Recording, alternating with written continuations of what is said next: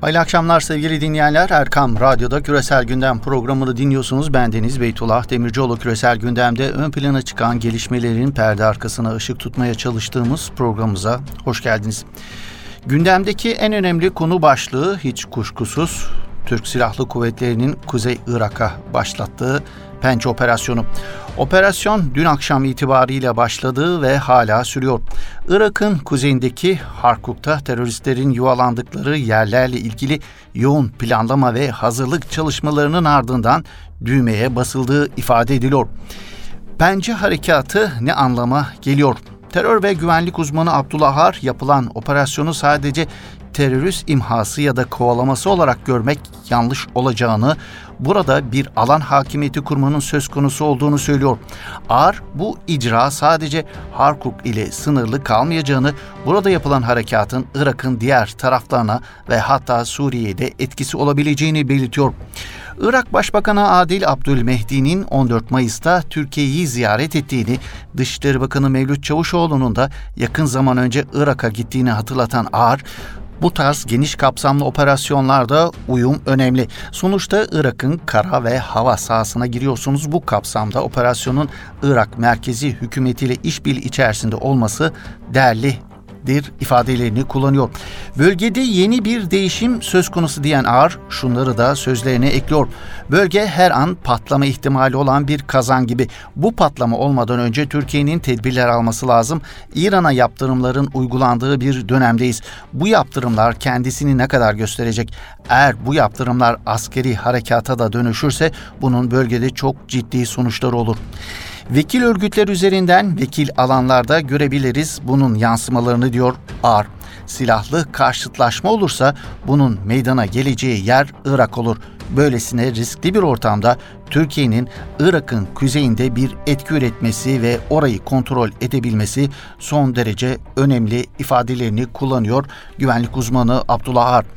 Strateji uzmanı Doktor Naim Baburoğlu ise Harkuk'un terör örgütü için kritik önemde bir kamp olduğuna dikkat çekiyor. Yaz aylarına doğru örgütün yaz üstlenmesi olarak kullandığı bölgenin Sincar ve Suriye'nin kuzeyindeki terör bölgelerine geçişte kritik bir konumda olduğunun altını çizen Baburoğlu, terör örgütü PKK'nın militanlarını Türkiye'ye sokmak için Harkuk'u bir üs olarak kullandığına da dikkat çekiyor.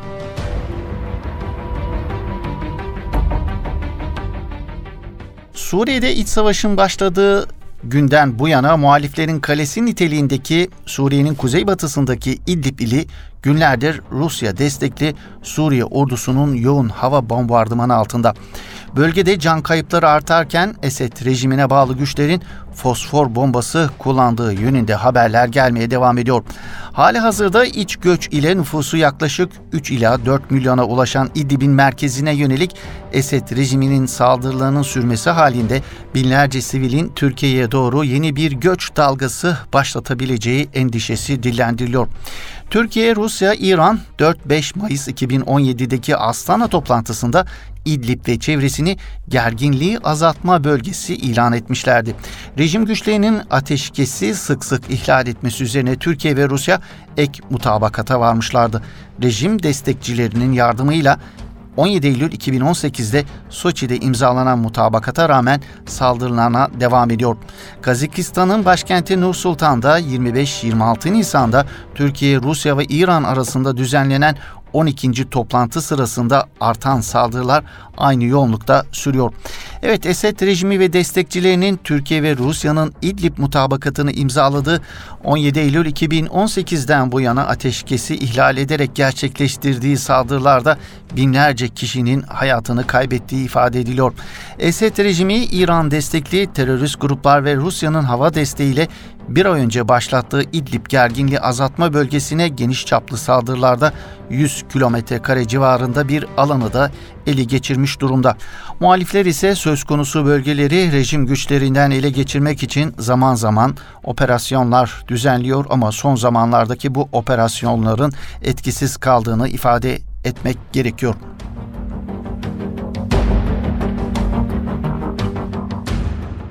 Evet açıklandı, açıklanacak denen ve bu anlamda yılan hikayesine dönen 100 yılın anlaşması gündemdeki yerini koruyor.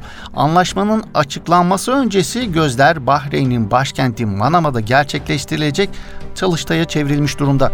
25-26 Haziran'da Manama'da düzenlenecek ortak çalıştayın ABD'nin İsrail-Filistin meselesinin çözümü konusunda yakında açıklanması beklenen 100 yılın anlaşması planı kapsamındaki ilk organizasyon olduğu da vurgulanıyor. Zirveye ilişkin tepkiler ve değerlendirmeler de gelmeye devam ediyor. Filistin Devlet Başkanı Mahmut Abbas, Amerika Birleşik Devletleri'nin 100 yılın anlaşması projesi ile ilgili Bahreyn'in başkenti Manama'da gelecek ay düzenlenmesi planlanan ekonomi çalıştayıyla ilgili olarak 100 yılın utancının da Bahreyn'deki çalıştayın da cehenneme kadar yolu var yönündeki açıklaması bu yöndeki yapılan açıklamalar arasında en dikkat çekici olanıydı. Abbas, Filistin davasının ekonomik temelli bir mesele olmadığına dikkat çekerek Filistin meselesini çözmek isteyen meseleye siyasi çözüm ile başlamak zorundadır. Biz milyarların boş hayallerini satanlara umut bağlamıyoruz ve bunu kabul etmemiz de mümkün değildir. Çünkü bizim meselemiz apaçık siyasi bir meseledir dedi. Bahreyn'in Dışişleri Bakanı Halit bin Ahmet El Halife daha önce yaptığı yazılı açıklamada Amerika Birleşik Devletleri'nin 100 yılın anlaşması planına hazırlık olduğu gerekçesiyle Filistinlilerin tepkisine neden olan Rafah için Barış adlı ekonomik çalıştayın tek amacının Filistin halkını güçlendirmek olduğunu savunmuştu. Bu arada Manama'daki çalıştaya ilişkin en ilginç değerlendirmelerden bir diğerini ise İsraili Siyonist isimlerden biri olan İsraili akademisyen Eddie Cohen'den geldi. Bahreyn'deki konferansa ilişkin bir televizyon programında konuşan İsrailli akademisyen, Körfez'e açılan kapı olarak gösterdiği Bahreyn'de düzenlenecek zirvenin finansörlüğünü Suudi Arabistan'ın yaptığını belirtti. Artık yeni bir körfezin, yeni bir Ortadoğu'nun var olduğunu ve bu yeni Ortadoğu'da Arapların artık Filistin diye bir meseleleri olmadığını iddia eden İsrail akademisyen, evet Manama'daki zirvede Arap liderlerinin televizyon ekranları önünde Filistin'e sahip çıkacaklarını, Filistin yönetimini destekleyeceklerini söyleyeceklerini belirtiyor ama bu açıklamaların Arap liderlerin zevahiri kurtarmaya yönelik açıklamalar olarak okunması gerektiğini vurguluyor.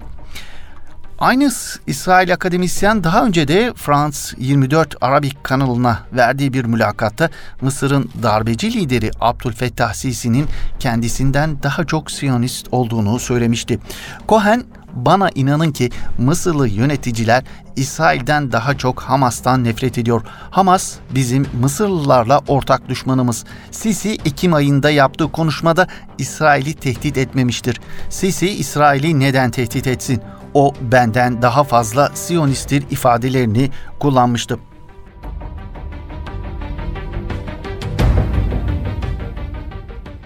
Evet Arap dünyasının İsrail'in insafına terk ettiği Filistin'de ise işgal güçleri, İsrail'in zulmü ve gaspı devam ediyor. Avrupa Akdeniz İnsan Hakları Gözlem Evi'nin son raporuna göre İsrail işgal altındaki Kudüs'te bulunan Filistinler aleyhinde sadece Nisan ayında 130'dan fazla ihlal gerçekleştirdi. Gözlem Evi'nin yayınladığı raporda uluslararası toplumun yerlerinden edilme amacıyla ağır ihlallere maruz kalan Kudüs ve sakinlerine ilişkin sorumluluğunu üstlenmesi gerekiyor ifadeleri kullanıldı.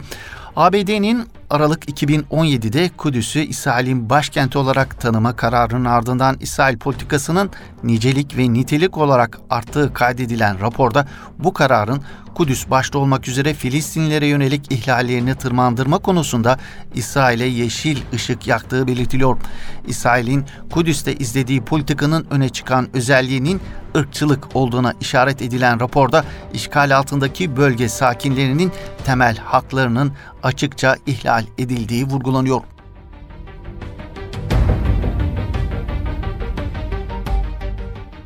İran'ın 8 Temmuz'a kadar nükleer anlaşmadan çekileceği açıklamasının ardından Orta Doğu'da tırmanışa geçen gerilimde tansiyon nispeten düşmüşe benziyor.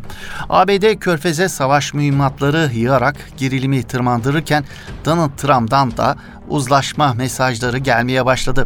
Japonya'ya yaptığı resmi ziyarette konuşan Trump, Tahran'la anlaşma yapabileceklerini düşündüğünü söyledi.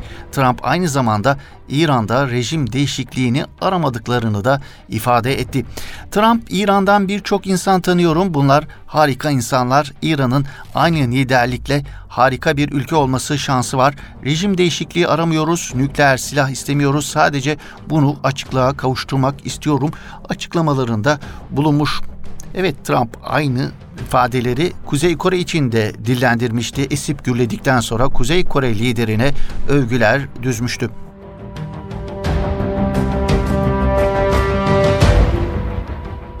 Evet ABD Başkanı Donald Trump bir yandan İran'a karşı ılımlı açıklamalar yaparken öte yandan Orta Doğu'ya ilave 1500 asker gönderilmesini de onayladığı bu arada Pentagon'un Trump onaylı asker takviyesi İran'ın bölgede ABD ile müttefiklerine saldırı planlamaya devam ettiğine dair güvenilir istihbarat bulunduğu iddiasıyla yapılmıştı. Bu arada İran Cumhurbaşkanı Hasan Ruhani ABD ile aradaki gerginliğin yükseldiği bir dönemde ülkesinin nükleer programı için referandum yapılması çağrısında bulunması ABD-İran gerilimi eksilindeki gelişmeler arasında dikkat çeken bir başka haber olarak e, ön plana çıkıyor sevgili dinleyenler. İran konusunda bir ileri iki geri yapan ABD Başkanı Trump'ın ne yapacağı konusundaki belirsizlik sürerken ABD'nin İran'a yönelik muhtemel bir müdahalesinin ekonomik anlamda neye mal olacağı üzerinde de tahminler yapılmaya başlandı. Kuveyt'te yayınlanan El Kabas gazetesinin ABD'li askeri ve siyasi yetkililere dayandırdığı bilgiye göre eğer ABD Tahran rejiminin düşmesi için savaş başlatırsa bu tam 3 trilyon dolara mal olacak. Bunun yanında beklenmedik olayların da yaşanacağı hesaba katan uzmanlar toplamda 4 trilyon doların harcanabileceği tahmininde bulunuyorlar. Kuveyt gazetesinin Rus uzmanlardan aldığı bilgiye göre ABD'nin Tahran'ı yenmesi için 300 bin asker ve bin savaş uçağına ihtiyacı var. Amerika Birleşik Devletleri Irak işgali sırasında 150 bin askeri bölgeye aktarmış. Bunun yanında on binlerce asker müttefik ülkelerden destek olarak gelmişti. Irak işgalinin ABD'ye maliyeti ise 800 milyar dolar olmuştu. Sonraki süreçte toplam maliyetin 3 trilyon doları bulduğu tahmin ediliyor. 2001'de Afganistan'daki savaşın ABD'ye zararı ise 841 milyar dolar olmuştu. ABD'nin 2011-2018 yılları arasında terörle mücadeleye ayırdığı miktar ise 1.6 trilyon dolar. ABD Başkanı Donald Trump ülkesinin son dönemdeki Orta Doğu politikalarını eleştirirken biz Orta Doğu'ya son 20 yılda 7 trilyon dolar harcadık ama ışıklarını kapatmadan uçağımızı indiremiyoruz. Bu çok kötü açıklamasında bulunmuştu. Trump gizlice gerçekleştirdiği son Irak ziyaretinde uçağının ışıklarını kapatmak zorunda kalmıştım.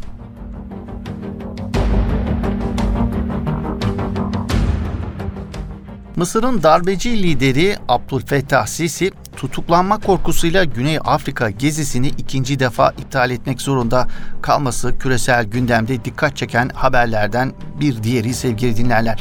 Sisi 2015 yılında da Güney Afrika'ya yapacağı ziyareti aynı nedenlerden dolayı iptal etmişti. Lübnan Nahar gazetesinin haberine göre Mısırlı aktivistler ile rejim karşıtları tarafından açılan davalardan korkan Sisi Afrika turunu ertelemek zorunda kaldı. Lübnan gazetesi Sisi'nin Ağustos 2013'teki Savunma Bakanlığı'nı üstlendiği sırada Rabiatul Adeviye ve Nahta meydanlarında Mürsi yanlılarının gösterilerine kanlı bastırması ve çok sayıda kişiyi katletmesi üzerine Güney Afrika'daki Müslüman kardeşler tarafından Uluslararası Ceza Mahkemesi'ne dava açıldığına dikkat çekiyor Lübnan gazetesi. Gazete Sisi'nin 2015 yılında Güney Afrika'ya yapacağı ziyareti tutuklanma korkusuyla iptal etmek zorunda kaldığını yine hatırlatıyor. Gazete Sisi'nin ziyaretini iptal etme gerekçelerinden birinin de güvenlik kaygıları ve muhtemel protestolar olduğunu vurguluyor.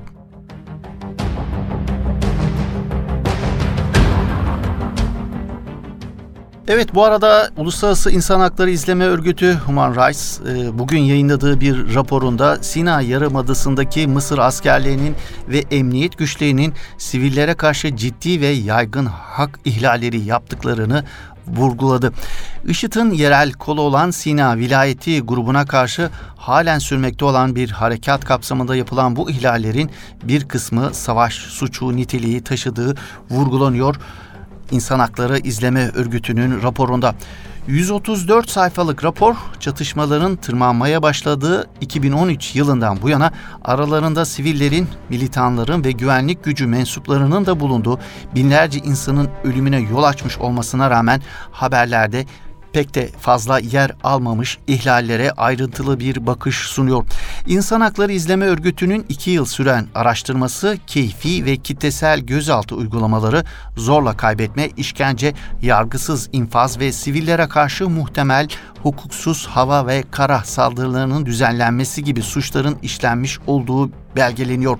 Raporda belgelenen ihlallerin önemli bir kısmından Mısır ordusu ve emniyet güçleri sorumlu olmakla birlikte aşırılıkçı militanlar da insan kaçırma, yerli ahaliden çok sayıda kişiyi işkence yapma, bazılarını öldürme, esir alınan güvenlik gücü mensuplarını yargısız olarak infaz etme gibi korkunç suçlar işledikleri belirtiliyor.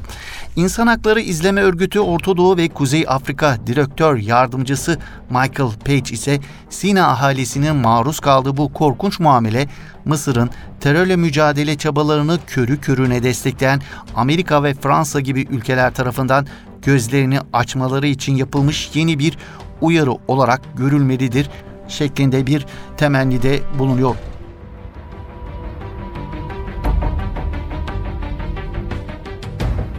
Evet, Devlet Başkanı Ömer Elbeşir'in devrilmesinin ardından Sudan'da sular durulmuş değil. Sudan Askeri Geçiş Konseyi ile özgürlük ve değişim güçleri arasındaki pazarlıklar zaman zaman sekteye uğrasa da devam ediyor. Sudan Askeri Geçiş Konseyi Başkan Yardımcısı Muhammed Hamdan'ın son açıklaması ise sivil hükümetin 3 ay içinde kurulabileceği yönünde. Askeri konseyin sivil güçlerle görüşmeleri kesme niyetinde olmadığını, aksine isteyen herkesin bu diyaloğa katılabileceğini düşündüklerini belirten Hamdan, Sudan'ı ancak güvenli ellere devredeceğiz açıklamasında bulunuyor. Öte yandan Sudan'daki politik süreci etkileyen ülkelerin başında gelen Birleşik Arap Emirlikleri ve Mısır, Sudan Askeri Geçiş Konseyi üzerindeki markajını sürdürüyor. Sudan sokaklarında bu iki ülkenin Sudan iç işlerine karışmasına karşı yükselen protestolara rağmen Askeri Geçiş Konseyi Başkanı Orgeneral Abdülfettah El Burhan'ın Mısır'ın ardından Suudi Arabistan ve Birleşik Arap Emirlikleri'ni ziyarette bulunması dikkat çekiyor. Sudan'daki siyasi türbülansa ilişkin dikkat çeken bir diğer nokta ise Sudanlı kimi İslami hareketlerin pozisyonu. Sudan'da Ömer el-Beşir'in darbeyle devrilmesinden sonra iktidarı ele geçiren askerlere karşı sol ağırlıklı Özgürlük ve Değişim İttifakı'nın başlattığı protesto gösterilerine Sudan İslami hareketleri pek destek vermiyor. İslami gruplar yayınladıkları mesajlarda yeni yol haritasında İslami hükümlere yer verilmediği için orduyu destekleme kararı aldıklarını açıklıyorlar. Ürdün gazetesi Jordan Times eskiden Beşir'in önderlik ettiği Ulusal Kongre Partisi'nden ayrılan bir grup olan muhafazakar çizgideki Reform Şimdi hareketinin başkan yardımcısı olan Hasan Rızkın protestocularla bir sivil teknokrat kabinesinin olacağına katılıyoruz. Fakat Egemen Konsey silahlı kuvvetler başkanlık etmeli çünkü bir güvenlik sorunu var dediğini yazıyor Ürdün gazetesi Jordan Times.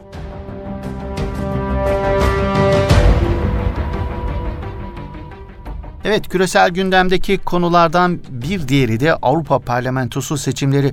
Avrupa halkının direkt halk tarafından belirlenen tek organı olan Avrupa Birliği için 28 ülkede halk sandık başına gitti. Seçime katılım sadece %50.95'te kaldı. Ama bu bile Avrupa Parlamentosu seçimlerinde 1994'ten bu yana ulaşılan en yüksek oran olduğu ifade ediliyor. Sonuçta 751 üyelik parlamentonun üyeleri belirlendi. Ortaya çıkan sonuçlara göre kıta çapında geleneksel merkez sağ ve merkez sol partiler en büyük kaybı yaşayan partiler oldu. Liberaller ve Yeşiller ve aşırı sağcılar ise sandalye sayılarını artırdı. Seçime katılım ifade ettiğimiz gibi %50.95 ile 1994'ten beri en yüksek seviyeye ulaştı. Bugüne kadar merkez sağ partilerin üye olduğu Avrupa Halk Partisi ve merkez sol partilerinin üye olduğu Sosyalistler ve Demokratlar grubunun sandalyeleri Avrupa Parlamentosu'nda çoğunluğu sağlamaya yetiyordu. Fakat artık grup sırasıyla 178 ve 147 vekil ile 771 sandalyeli Avrupa Parlamentosu'nda çoğunluğa sahip olamayacaklar. Fransa, İtalya ve İngiltere'de ise aşırı sağcılar birinci parti çıktılar. Aşırı sağcı uluslar ve özgürlükler Avrupası 37 olan parlamento sayısını 58'e çıkardı. Evet Avrupa'da aşırı sağ partiler yalnızca ulusal kaygıları ve çıkarlarını savunmuyor. Mevcut sistemdeki sosyal demokrasilerin takip ettiği eşitlikçi ve ilerici ilkelere karşı görünen politikaları da takip ediyor. Yabancı düşmanlığı, ırkçılık, İslam karşıtlığı gibi popülist söylemlere sarılıyorlar. Ekonomik sorunları, güvenlik politikaları ve din ile harmanlayarak Avrupa siyasetinin merkezine doğru yol açan aşırı sağcılar kendisine daha fazla takipçi buluyor. Her ne kadar oyları ve etkisini artırsa da uzmanlara göre Avrupa Parlamentosu'nda ortaya çıkan son tabloyu aşırı sağın zaferi olarak nitelenmenin, nitelendirmenin çok da doğru olmadığının altı çiziliyor analizlerde.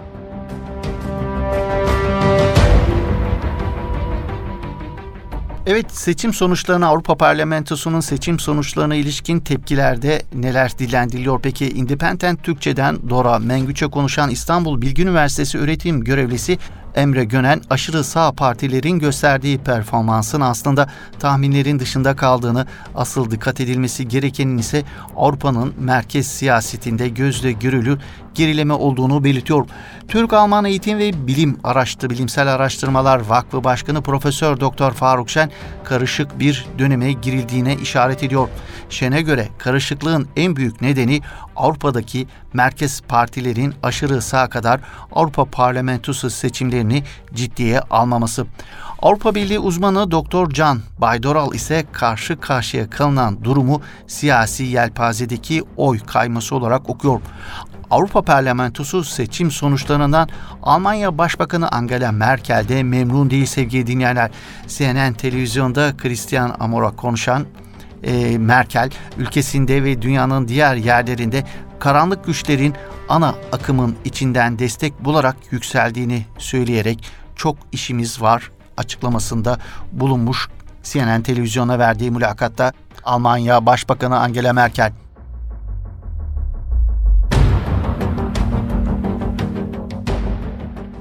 Peki Avrupa Parlamentosu seçimlerinin Türkiye Avrupa Birliği ilişkilerine bir etkisi olacak mı?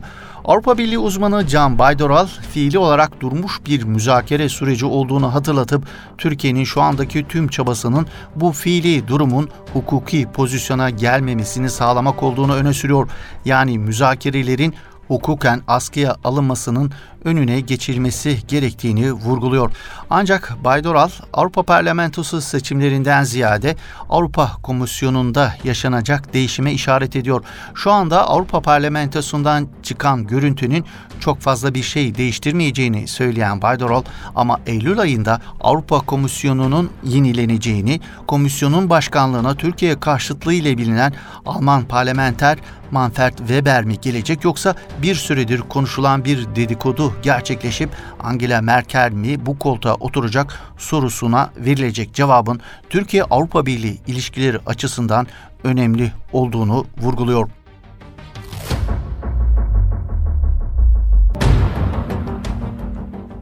Evet bu haber analizimizle bugünkü küresel gündem programımızın böylelikle sonuna gelmiş bulunuyoruz sevgili dinleyenler. Yeni bir küresel gündem programında buluşmak ümidiyle. Hoşçakalın, iyi akşamlar efendim.